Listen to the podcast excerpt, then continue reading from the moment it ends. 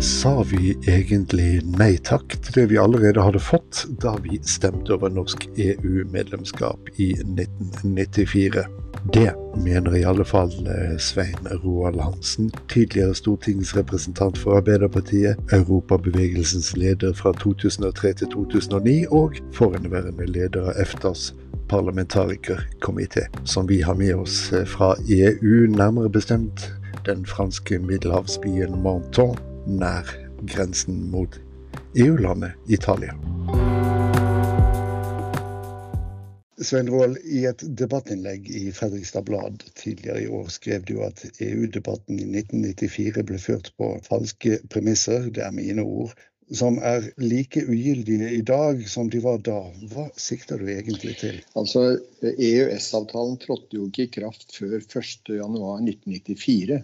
Eh, og den, vi hadde altså ikke noe erfaring med EØS-avtalen da debatten om medlemskap gikk. Eh, vi, vi, altså Verken det politiske miljøet, og i hvert fall ikke folk flest, eh, var da klar over at vi faktisk var innmeldt i det indre markedet, med unntak av fiskeripolitikk og landbrukspolitikk. Slik at debatten ble ikke om vi skulle være med og ha innflytelse eller være med og ikke ha innflytelse. Debatten ble om vi skal være med eller ikke være med. Eh, og så ble det nei. Eh, og det har jo også siden, tror jeg, ført til at man ikke har erkjent og tatt inn over seg at vi gjennom EØS-avtalen er med i integreringen i Europa. Eh, og særlig i det indre marked, som jo er det viktigste delen av, av dette integrasjonsprosjektet. Og som har ført til at norsk eksport eksportnæringsliv er, konkurrerer på like linje med, med resten av uh, Europa. Og det gjør jo eksportmarkedet til et hjemmemarked, som er den store forskjellen. Og alle debattene om direktiv hit og direktiv dit og hva det betyr, det eh, skygger for det viktigste ved EØS-avtalen, nemlig at det er en handelsavtale. Har du på følelsen at det nå, 30 år senere, begynner å gå sakte opp for oss at vi faktisk er en aktiv del av EUs indre marked? Ja, eh, vi må jo svare ja på det. Nå er det vanskelig å vite hva folk flest oppfatter og opplever av det. Men den politiske debatten synes jeg ikke tar utgangspunkt i at EØS-avtalen eh, e gjør oss til et eh, medlemsland i det indre marked med disse to, to unntakene den eh, debatten føler jeg av og til går som om vi ikke er med i det hele tatt. Og jeg tror også det at det er handelsavtaleaspektet har kommet for mye i bakgrunnen. Eh, og særlig når EØS-motstanderne snakker om at vi kan erstatte EØS-avtalen med en handelsavtale, eh, så mener jeg de, de erkjenner ikke hvor viktig det europeiske markedet er for norsk næringsliv. Det er jo, vel Nå har England gått ut, det endrer jo litt på det, men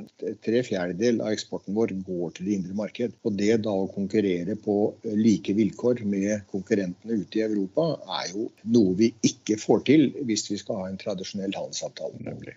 Det er jo en kjent sak at vi ikke er et fullverdig medlem, men likevel så er det jo enkelte felter der vi faktisk kan anse oss selv som eh, et de facto EU-land. og På hvilke felt vil du si det er tilfellet, og på hvilke ikke? Ja, Det er nesten lettere å si hvilke felt vi ikke er det. Det, det, er jo først og fremst den politiske biten, og at vi ikke har representanter i Europaparlamentet og ikke en kommissær i, i kommisjonen. Det er jo den viktigste delen av det.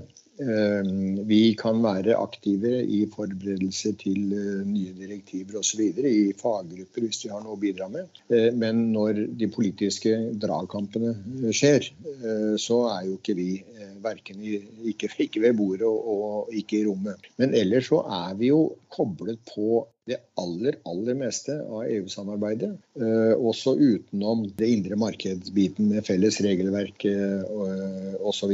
Og det siste nå er jo, som vi erfarte under eh, pandemien, et samarbeid om eh, vaksiner. For det som, det som skjedde da, det var jo at EU-landene, dette var EU-landenes ansvar helsebiten.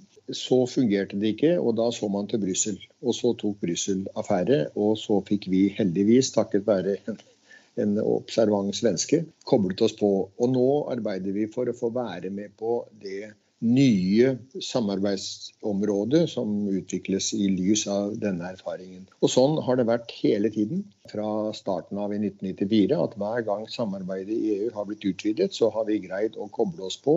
Ikke som en del av EØS-avtalen, men forankret i EØS-avtalen. Nå har du allerede vært inne på det når du nevnte dette eksempelet med pandemien og, og hjelpen vi fikk fra EU via Sverige. Men um, du har jo vært inne på andre eksempler på den gjensidige avhengigheten av og den felles sårbarheten med våre naboer. At den har fått oss til å innse at mye er endret siden 1994. Har vi noen andre gode eksempler på at det er tilfellet, som kan bidra til å endre grunnlaget for hele debatten? Da den store utredningen om EØS-avtalen kom, i 2009 var det vel, innenfor og utenfor, så håpet jeg at den skulle gi et nytt grunnlag for den politiske debatten om vårt forhold til Europa. Men det skjedde jo ikke.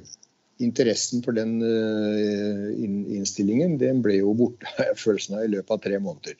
Så ble den glemt, og så var vi tilbake i det gamle sporet. Nå kommer jo uh, utredningen som regjeringen har satt i gang til høsten, om de siste årens erfaring med EØS-avtalen og andre såkalt nærstående lands avtaler. Hva er erfaringen med det?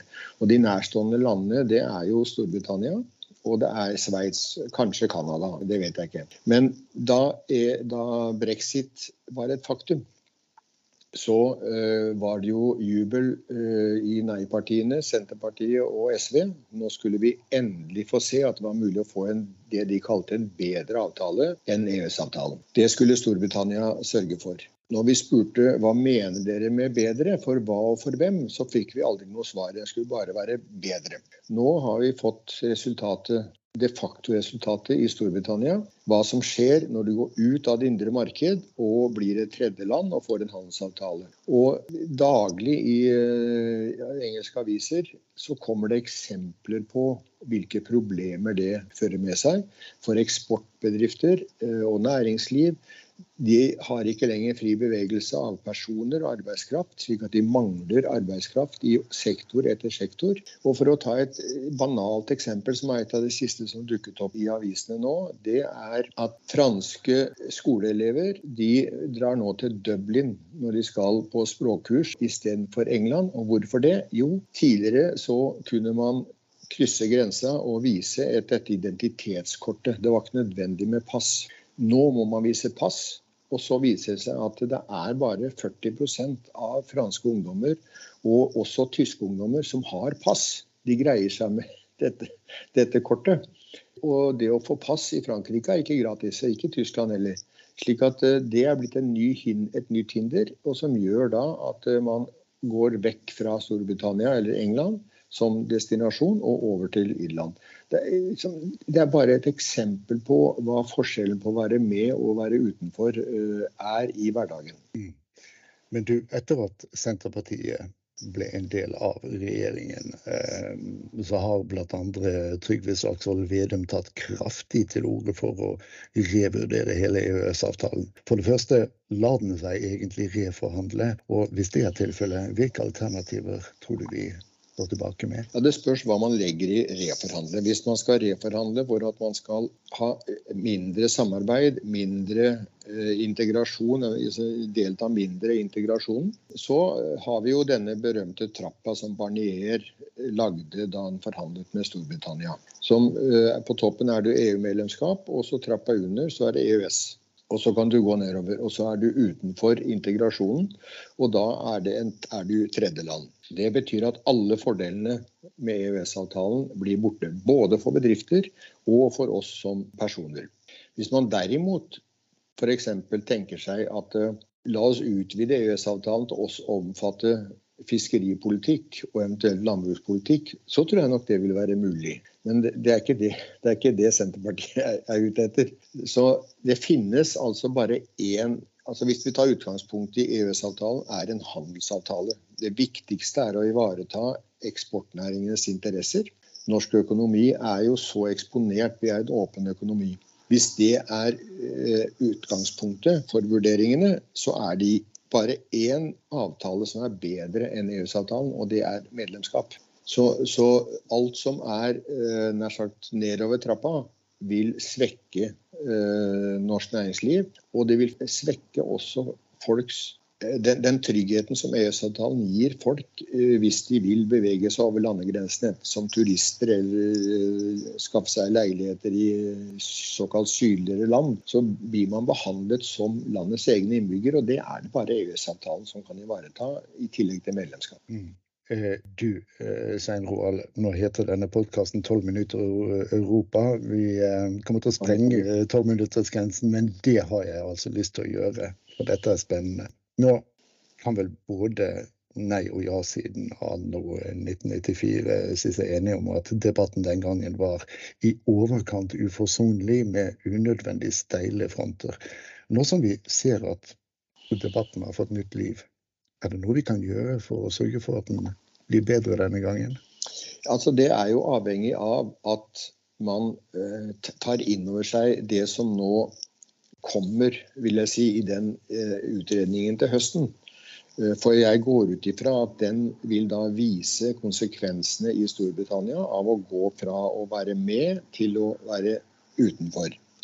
Og hvis man er villig til å ta inn over seg det, og det ligger til grunn i, i debatten, så burde debatten kunne føres på litt mer nedtonet og analytisk nivå.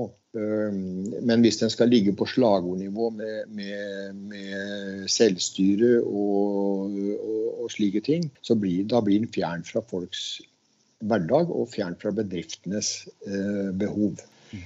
Da er jeg redd det blir for mye følelser og for lite fakta. Mm. Ser du tegn til at det bærer mot en ny folkeavstemning? Og tror du erkjennelsen av at vi for alle praktiske formål faktisk er et EU-land, vil ha noe å si for utvalget av en slik avstemning? Altså jeg, er, jeg er redd for at er at vi fortsatt er for mye nede i skyttergravene til at du får en, en drivkraft mot en, en, ny diskusjon om vårt forhold til Europa. Da jeg ble leder av Europabevegelsen i 2002, så eh, var det noen som plutselig begynte å måle igjen oppslutningen om EU. Da hadde man latt være å gjøre det i mange år fordi det lå helt fast. Og så oppdaget man at da var det jammen flertall for å bli medlem. Og NHO en, eh, en, fikk laget en analyse av hva som var drivkreftene for det. Og det var tre drivkrefter. Det ene var utvidelsen til de østeuropeiske landene, som lå foran i 2004. Det var innføringen av euro som en felles mynt. Og det tredje var at man begynte å snakke om sikkerhetspolitikk i EU-samarbeidet. De tre driverne var der og ga et ja-flertall. Og så var det ingen av partiene som liksom grep den muligheten som lå i det flertallet. Og så kom finanskrisen, og så var på en måte situasjonen snudd. Og Det som er vanskelig å se for seg nå, slik situasjonen er både økonomisk og med krigen i Ukraina, å finne de driverne som kan drive fram det nye ja-flertallet, det eh, Jeg er dessverre ikke optimistisk om de finnes. Der tror jeg vi eh, sier tusen takk for at du tok deg tid til dette, Svein Roald Hansen. Og en stor takk til deg som hørte på. Du har lyttet til 12 minutter Europa. Jeg heter Jarle Petterson. Vi snakkes.